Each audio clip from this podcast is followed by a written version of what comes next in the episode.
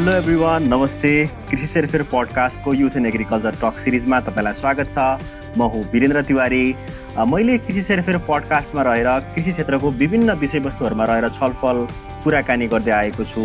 र यो youth and agriculture talk सिरिजमा रहेर मैले कृषि उद्यममा लागिराख्नुभएका हाम्रा युवाहरूसँग कुराकानी गर्ने गर्दछु। उहाँहरूको कथा उहाँहरूका विचार उहाँहरूका भावनाहरूलाई मैले कार्यक्रममा पेस गर्ने गर्दछु यस पडकास्टमा मैले पेस गर्ने गर्दछु र आज मसँग कुराकानी गर्नका लागि कर्णाली एग्रोमार्टका संस्थापक तथा चेयरम्यान मेरो प्रिय दाई इन्द्रजित सुनार दाई चाहिँ आज मसँग कुराकानी गर्नका लागि हुनुहुन्छ र आउनुहोस् अब भने यस पडकास्टमा कुराकानी सुरुवात गरौँ। दाई नमस्ते तपाईँलाई स्वागत छ कृषि सेरफेर पडकास्टमा नमस्ते धेरै धेरै धन्यवाद। अनि आरामै हुनुहुन्छ दाई? एकदम ठिक छ हजुरको खबर के छ? मेरो एकदमै ठिकठाक छ दाई सबै राम्रो छ। अनि अब बिस्तारै कुराकानी सुरुवात गरौँ। सर्वप्रथम चाहिँ सुरुमा यो हाम्रो कर्णाली एग्रोमार्टको बारेमा कुराकानी गरौँ। दाइ यो अहिले चाहिँ कर्णाली एग्रोमार्ट कसरी चलिराखेको छ? यसले चाहिँ कस्ता कस्ता खालका सेवा सुविधाहरू दिइराखेको छ? यसको बारेमा सुरुमा चर्चा गरौँ न। धन्यवाद। कर्णाली एग्रोमार्ट वीरेन्द्रनगर सुर्खेत वीरेन्द्रनगर चार नम्बर वडामा कुमाई चोक भन्ने ठाउँमा अवस्थित छ। यो कर्णाली एग्रोमार्ट चाहिँ स्थापना हुनुको मेन उद्देश्य मुख्य उद्देश्य भनेको चाहिँ कर्णाली प्रदेशमा उत्पादित विभिन्न अर्ग्यानिक खाद्य वस्तुहरू जस्तै चिनो कागुनो चिमी मार्सी जिम्बु लगायतका अर्ग्यानिक खाद्यान्न सँगसँगै बजारको आवश्यकता अनुसार हुने अरू खाद्यान्न त्यस पछाडि तरकारी फलफुलहरू यहाँका उत्पादनलाई चाहिँ प्रवर्धन गर्ने हेतुले चाहिँ एउटा चाहिँ खोलिएको एउटा एउटा चाहिँ संस्था कम्पनी हो होइन? अब यसबाट चाहिँ हामीले चाहिँ विगत आठ महिनादेखि चाहिँ निरन्तर यसै रूपमा कार्य गरिरहेका छौँ। र हामी हाम्रो कर्णाली एग्रोमार्ट प्राली भन्ने चाहिँ एउटा कम्पनी पनि छुट्टै दर्ता छ। त्यसबाट चाहिँ हामीले चाहिँ किसानहरूलाई चाहिँ विभिन्न खालका एग्री इनपुट्सहरू त्यस पछाडि मसिनरिजहरू त्यस पछाडि विभिन्न कृषिसँग सम्बन्धित र भेटनेरीसँग सम्बन्धित कुराकानीहरू पनि हामीले चाहिँ बिस्तारै उपलब्ध गराउँदै आइरहेका छौँ। र अब म अलिकति पछाडि फर्केर कुराकानी गर्न चाहे दाईले चाहिँ बिएससिएजी गर्नुभयो। बिएससी गरिसकेपछि आफ्नै कम्पनी चाहिँ स्थापना गरेर दाईले अहिले यो एग्रो एन्टरप्रिनरसिपमा चाहिँ लागिराख्नु भएको छ। अनि दाईलाई चाहिँ मैले यतिखेर के चाहिँ सोध्नु मन लाग्यो भने दाईलाई चाहिँ पछि गएर मैले मैले चाहिँ यो कृषि उद्यममा लाग्छु भनेर ब्याचलर्स पढ्दादेखि नै थियो अथवा चाहिँ कुनै परिस्थितिले कुनै चाहिँ अवस्थाले पछि सिर्जना भएको अवस्थाले चाहिँ दाई यतापट्टि एग्रिकल्चर बिजनेसमा लाग्नु भएको हो कि पहिल्यैदेखि चाहिँ दाइलाई कृषिमै अलिकति केही गर्नु मन थियो? सर्वप्रथम त मलाई मेरो ब्याचलरको अनुभवबाट नै मैले तपाईँलाई सेयरिङ गर्न चाहन्छु होइन? अब सुरुमा त कृषि भन्ने विषय नै ब्याचलरमा पढाइ हुन्छ भन्ने नि थाहा थिएन मलाई होइन? त्यो प्लस टू पछिको दौरानमा अब एमबिबिएसको तयारीको लहर चलिरहन्थ्यो अब आफूले पनि ट्राई गरियो। त्यस पछाडि एमबिबिएस चाहिँ अब पढ्न सकिँदैन अथवा म मेरो लागि होइन भन्ने भइसकेपछि मैले चाहिँ एग्रिकल्चर सब्जेक्ट चाहिँ ब्याचलरमा पढाइ हुँदो रहेछ यसमा पनि हामी पढ्न सकिँदो रहेछ। यो टेक्निकल फिल्ड भनेर चाहिँ खासमा त्यसरी चाहिँ म चाहिँ एग्रिकल्चरमा जोइन भएको हो। त्यो सँगसँगै पढ्ने क्रममा चाहिँ अब ठ्याक्कै सुरुमा त मलाई उद्यमशीलतामा आउनुपर्छ उद्यमी बन्नुपर्छ भन्ने त्यस्तो खालको सुरुमै त्यस्तो इग्निसन त केही पनि थिएन। तर छैटौँ सातौँ स्वतन्त्रमा जाँदै गर्दाखेरि अब विभिन्न कुराहरू अब आफूलाई चाहिँ फिल हुँदै गयो। अब मैले चाहिँ केही न केही चाहिँ सानो भए पनि स्टार्टअप गर्नुपर्छ भन्ने खालको चाहिँ माइन्ड सेट चाहिँ बिजनेस चाहिँ गर्नुपर्छ भन्ने चाहिँ मेरो माइन्ड सेट चाहिँ एउटा चाहिँ डेभलप त भएको थियो सेभेन्थ एट सेमेस्टर पढ्दाखेरि। तर ठ्याक्कै अब म चाहिँ सुरु नै गरिहाल्छु। अब मैले आफ्नो बिजनेस सुरु गर्छु अनि उद्यमशील बनिहाल्छु भन्ने चाहिँ ठ्याक्कै त्यस्तो केही थिएन। त्यो सँगसँगै अब ब्याचलर सक्ने बित्तिकै जबको अफर आयो होइन जबको अफर आइसकेपछि केही सिक्ने मौका पनि पाइन्छ सिकौँ अर्गनाइजेसन कसरी चल्छ कम्पनी कसरी चल्छ भन्ने हेतुले चाहिँ मैले दुई वर्ष करिब दुई वर्ष कर्मा ग्रुप अफ कम्पनीज भन्ने चाहिँ एउटा चाहिँ एग्रिकल्चरको इनपुट सेक्टरमा चाहिँ एकदम राम्रो गरिरहेको कम्पनीमा चाहिँ जागिर गर्ने मौका पनि पाएँ। र मैले त्यहाँबाट धेरै कुराहरू एज अ मार्केटिङ अफिसर धेरै कुराहरू एग्रिकल्चरको सेक्टरमा बुझ्ने मौका पनि पाएँ। त्यस पछाडिको दुई तिन महिना चाहिँ मलाई चाहिँ अब जब सकिसक्यो दुई महिना दुई वर्षमा टर्मिनेट भयो। त्यस पछाडि अब यत्तिकै अब के गर्ने त होइन? अब जागिर कन्टिन्यू गर्ने कि अनि जो आफ्नो उद्यमशीलतामा जाने कि भन्ने दुविधा भइरहेको थियो दुई भइरहेको थियो। त्यो सँगसँगै एउटा सानो सर्ट टर्म प्रोजेक्टमा काम गर्ने मौका पनि पाइयो। यो post COVID economic recovery programme भन्ने युएसएडको तयार नेपालमा तिन महिनामा हामीले चाहिँ एउटा चाहिँ एउटा सिक्ने मौका पनि पायो। त्यस पछाडि त्यो सँगसँगै मैले चाहिँ अब चाहिँ म चाहिँ आफ्नो काम चाहिँ गर्नुपर्छ। अनि कुनै पनि अर्गनाइजेसनमा बसेर केही कुरा सिक्दाखेरि चाहिँ मलाई कस्तो अनुभव भयो भने अब कृषि पढिसकेपछि कृषिमा हुन त धेरै साथीहरू बाहिर पनि हुनुहुन्छ विदेश जानुभएको छ। कति साथीहरू हाम्रै साथीहरू विभिन्न एनजिओ एनजिओहरूमा सरकारी गभर्मेन्ट अफिसरमा काम गर्दै हुनुहुन्छ। तर मलाई जागिरको चाहिँ कहिले पनि म जागिरै खान्छु। मेरो जिन्दगी नै जागिर हो भन्ने खालको त्यस्तो खालको सोचाइ चाहिँ बिस्तारै हराउँदै गयो। अनि त्यो भइसकेपछि मैले नै आफूले चाहिँ कुनै न कुनै एउटा चाहिँ स्टार्टअप गर्नुपर्छ सानो भए पनि स्टार्टअप गर्नुपर्छ। अनि त्यसलाई चाहिँ बिस्तारै बढाउँदै एउटा मृत रूपमा एउटा चाहिँ राम्रो रूपमा चाहिँ लैजाँदै अगाडि बढ्नुपर्छ भन्ने खालको चाहिँ सोचाइ भइसकेपछि अनि मैले कर्णाली एग्रोमार्ट भन्ने नाममा नाम दिएर चाहिँ मैले चाहिँ एउटा एउटा अर्ग्यानिक खाद्यान्न तरकारी फलफुल र ग्रोसरिजहरू पनि सँगसँगै बेच्ने उद्देश्यले चाहिँ एउटा कर्णाली एग्रोमार्ट भन्ने चाहिँ मैले घरेलुबाट दर्ता गरेर सुरु गरेँ गरेँ। अहिले चाहिँ त्यो सँगसँगै मैले हाम्रो अर्को company Karnali Agromart private limited भनेर कम्पनी पनि छ त्यसको उद्देश्यहरू धेरै छन्। हामीले बिस्तारै बिस्तारै कृषि उद्यमशीलताका कुराहरूलाई जोड्दै हामीले चाहिँ अहिले फुल खेती पुष्प खेतीलाई चाहिँ प्रबन्धन गर्नुपर्छ भनेर त्यहाँलाई टार्गेट गरेर करिब करिब एउटा सानो ट्रायल जस्तै तिन तिन साढे तिन कट्ठा जतिमा चाहिँ अहिले चाहिँ हामीले फुल खेतीलाई पनि प्रवर्धन गरिरहेको छौँ सँगसँगै कृषि क्षेत्रको इनपुटको लागि इनपुट इनपुट हामीले चाहिँ किसानहरूलाई चाहिँ कृषि सामग्रीदेखि लिएर बिउ बिजनदेखि लिएर विषादीदेखि लिएर भेटनेरीका फिड सप्लिमेन्टदेखि लिएर विभिन्न कुराहरू पनि हामीले चाहिँ त्यो सँगसँगै जोड्दै कम्पनीबाट पनि लगिरहेछौँ। त्यसरी मेरो चाहिँ यो बिजनेसको यात्रा चाहिँ जुन सोचाइ सातौँ आठौँ सेमेस्टरमा भएको थियो तर मलाई ठ्याक्कै अब गर्नुपर्छ भनेर चाहिँ भएको चाहिँ ब्याचलर सकेको दुई ढाई अढाई वर्षपछि चाहिँ मलाई चाहिँ आफ्नै स्टार्टअप गर्नलाई चाहिँ म चाहिँ प्रेरित भएर त्यसरी काम गर्न चाहिँ सफल भएको अहिले। एकदमै राम्रो दाई। र दाईलाई मैले अर्को के पनि सोध्न चाहेँ भने दाईको विचार जान्न चाहेँ भने जब चाहिँ दाईले यो कम्पनी दर्ता गर्नुभयो होइन घरेलुमा गएर दर्ता गर्नुभयो दर्ता गरिसकेपछि को जुन संस्थालाई चाहिँ यो कम्पनीलाई चाहिँ सस्टेन गराइराख्नका लागि चाहिँ दाइले कस्तो खालको चाहिँ अनुभव गर्नुभएको छ? कतिको गाह्रो हुने रहेछ कस्तो खालका कुराहरू भोग्नु पर्ने रहेछ? के कुरामा ध्यान दिनुपर्ने रहेछ सुरुवातमा? होइन? कस्तो खालका तयारी भइदियो भने अझै सजिलो हुन सक्ने रहेछ भन्ने खालको दाइको अनुभवले चाहिँ के भन्छ? सुरुवातमा संस्था कम्पनी दर्ता गरिसकेपछि त्यसलाई केही समय सस्टेन गराइराख्नका लागि चाहिँ दाइको अनुभव के छ? के भन्नुहुन्छ दाइले? अब यो कुरामा चाहिँ अब कस्तो छ भने जस्तै कुनै पनि एउटा नवप्रवर्तन अथवा कुनै पनि नयाँ स्टार्टिङ गर्दाखेरि चाहिँ धेरै नै गाह्रो हुन्छ होइन किनभने चाहिँ हामीसँग बिजनेस इस्टाब्लिस गर्दाखेरि हामीलाई चाहिँ फाइनेन्सियल सोर्सेसको कुराहरू आउँछ त्यस पछाडि म्यानेजमेन्टको कुराहरू आउँछ त्यस पछाडि स्टाफ ह्यान्डलिङको कुराहरू आउँछ त्यस पछाडि तपाईँको विभिन्न म्यानेजमेन्टका पार्टहरू चाहिँ सँगसँगै जोडेर आएका हुन्छन्।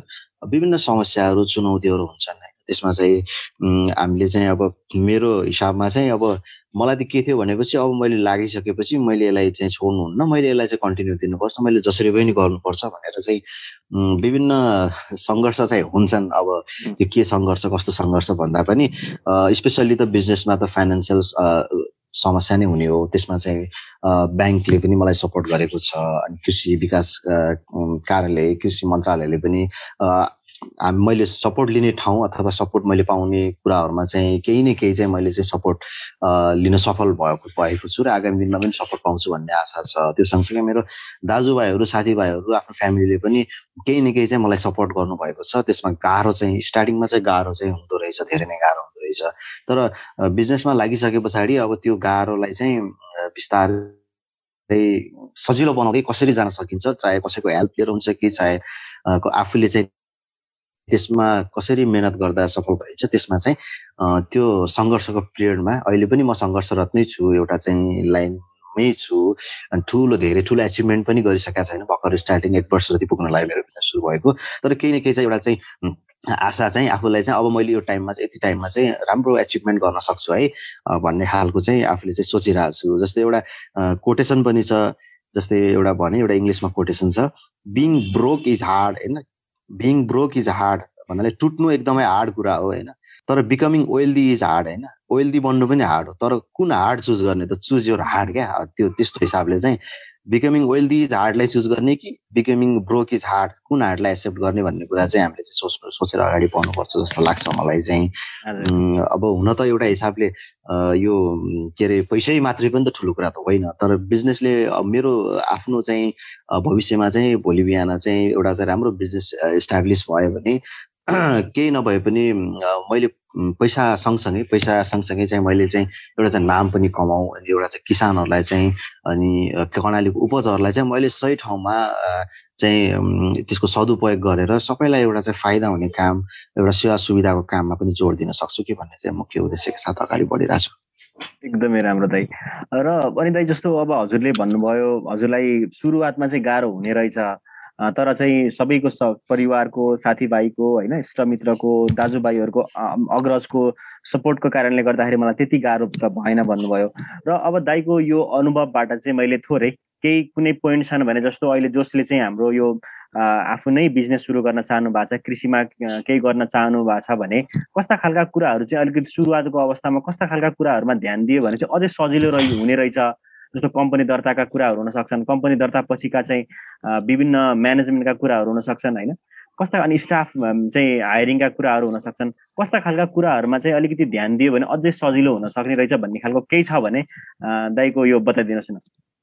अब मुख्यतया त बिजनेसमा चाहिँ विभिन्न कुराहरू जस्तै तपाईँले भने जस्तै विभिन्न कुराहरू आउँछन्।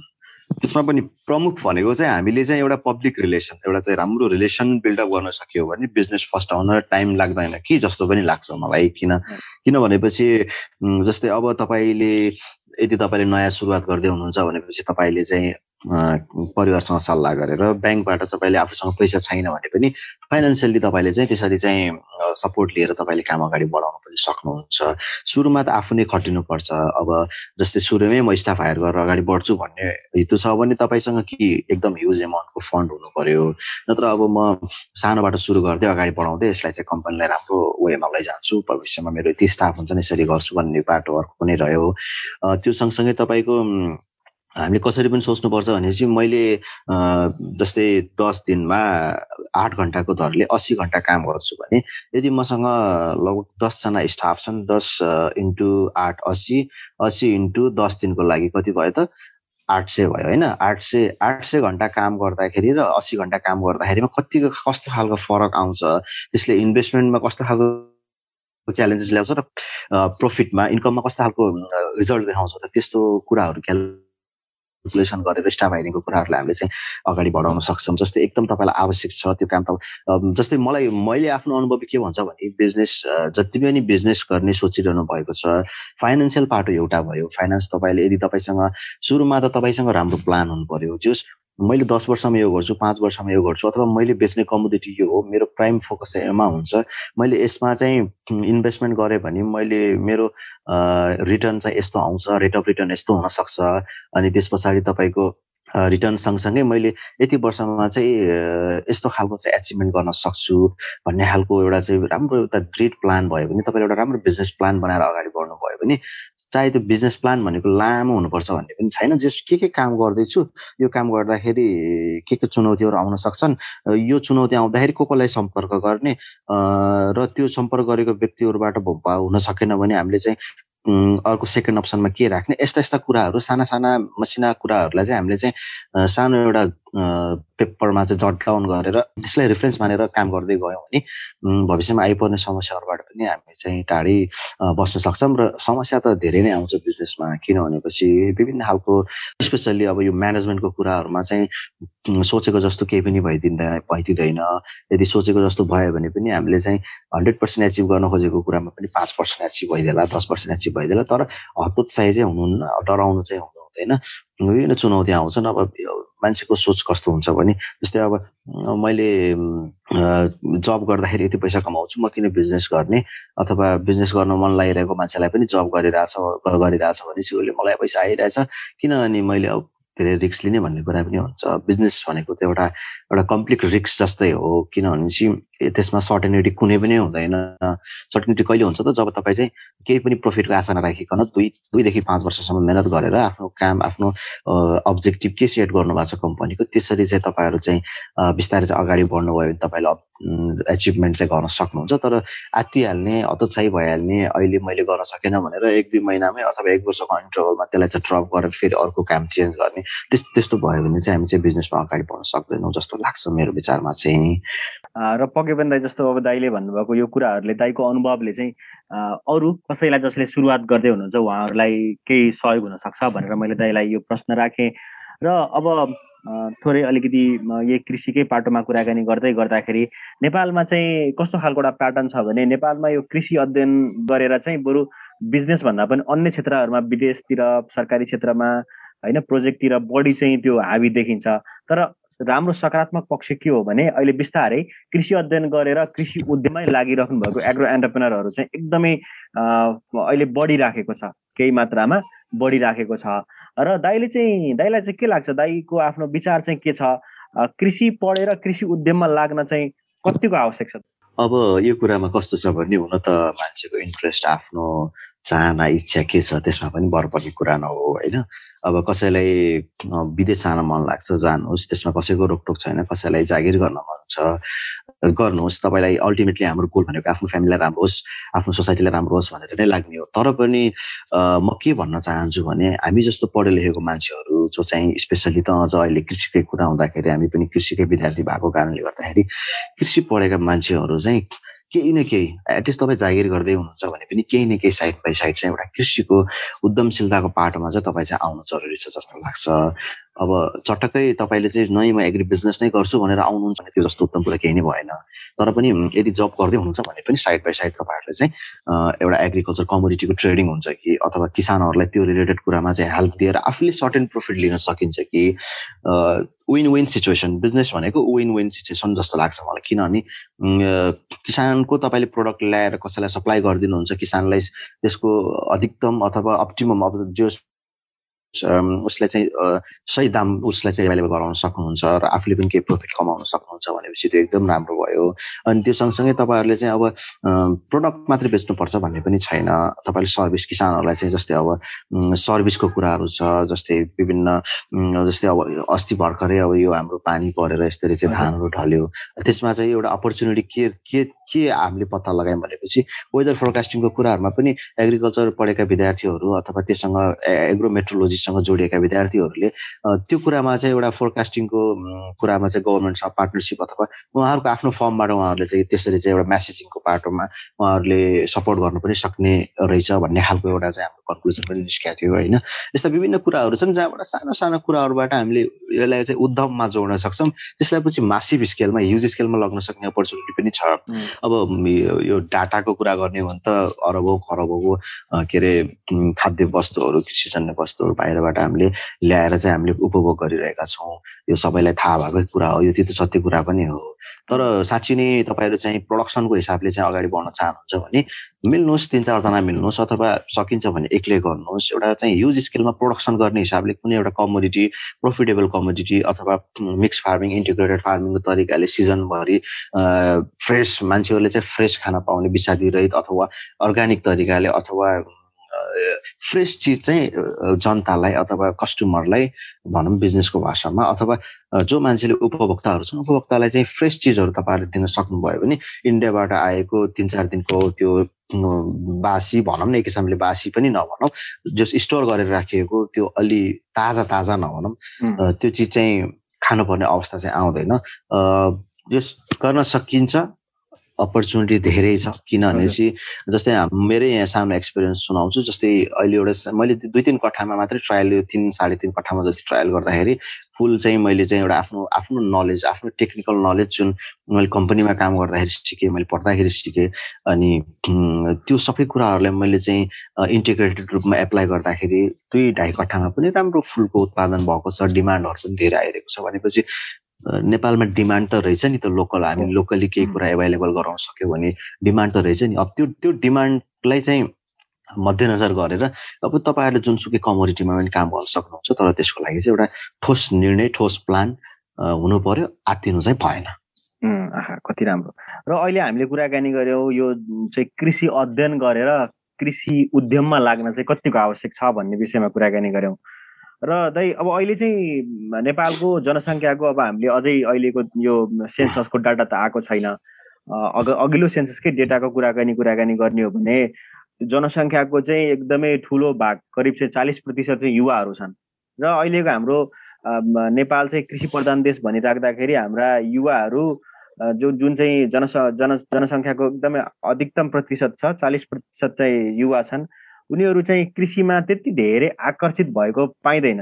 हामीले चाहिँ युवाहरूलाई सम्बन्धित निकायले कृषि मन्त्रालयले नेपाल सरकारले युवालाई चाहिँ कृषिमा आकर्षित गर्न नसकिराखेको हो कि भन्ने जस्तो पनि देखिन्छ। दाइ चाहिँ एकजना युवा भएको कारणले गर्दाखेरि युवालाई चाहिँ कृषिमा आकर्षित गर्नका लागि युवाले के खोज्छन् तर कृषिमा के छैन अथवा चाहिँ हामीले के देखाउन सकेका छैनौँ?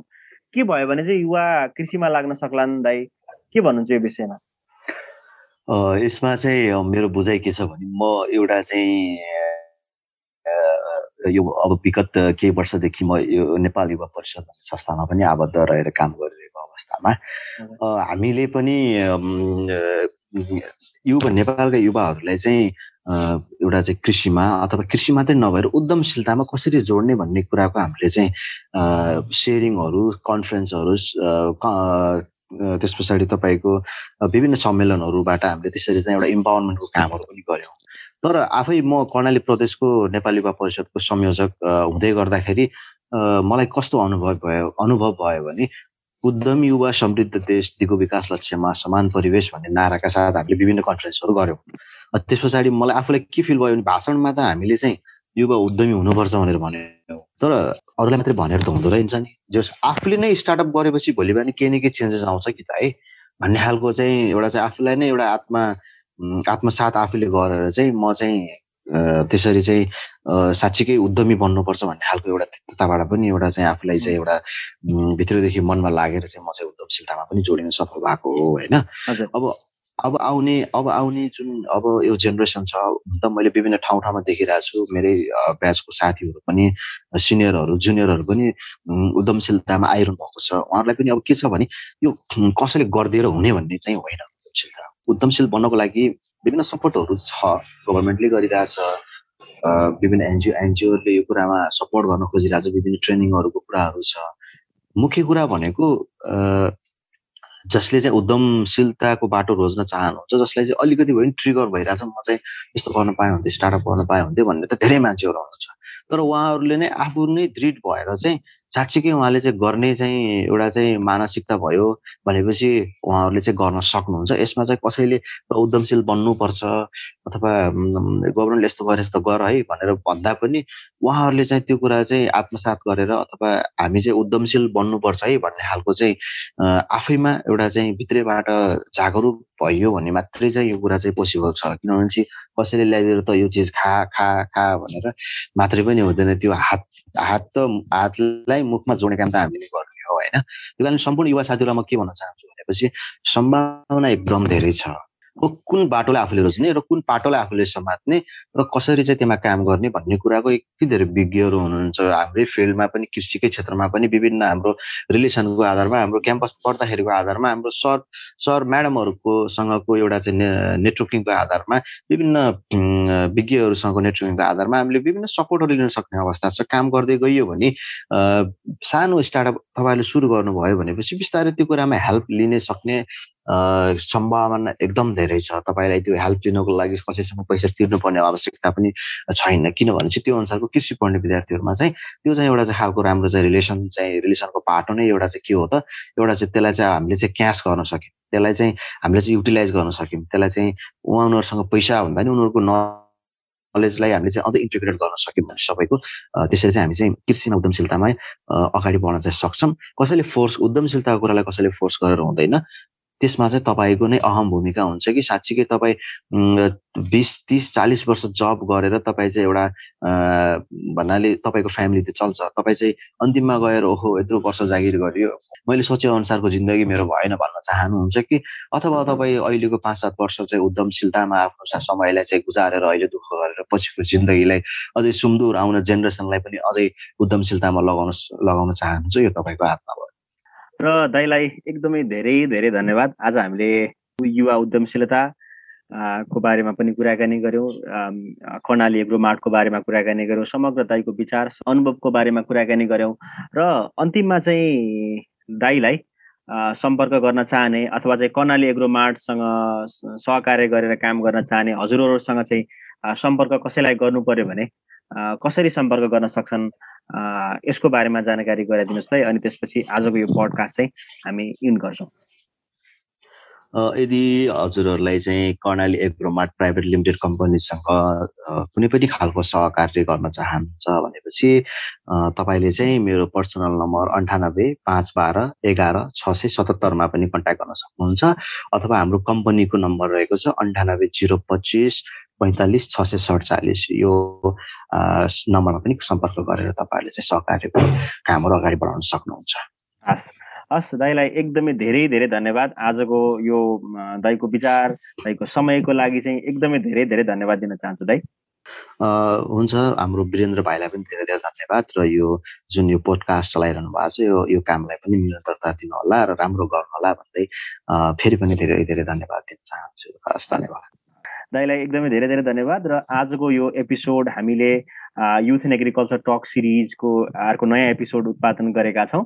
तपाईँलाई चाहिँ कृषि सेरफेर पडकास्ट कस्तो लागिरहेको छ? हामीलाई सम्पर्क गर्न सक्नुहुन्छ हाम्रो विभिन्न माध्यमबाट। भन्दै आजको यो पडकास्ट यतिखेरसम्म सुनेर साथ दिनुहुने तपाईँ सबैलाई धेरै धेरै धन्यवाद दिँदै। म वीरेन्द्र तिवारी पनि आजको एपिसोडबाट बिदा हुन चाहन्छु। हवस् त नमस्कार।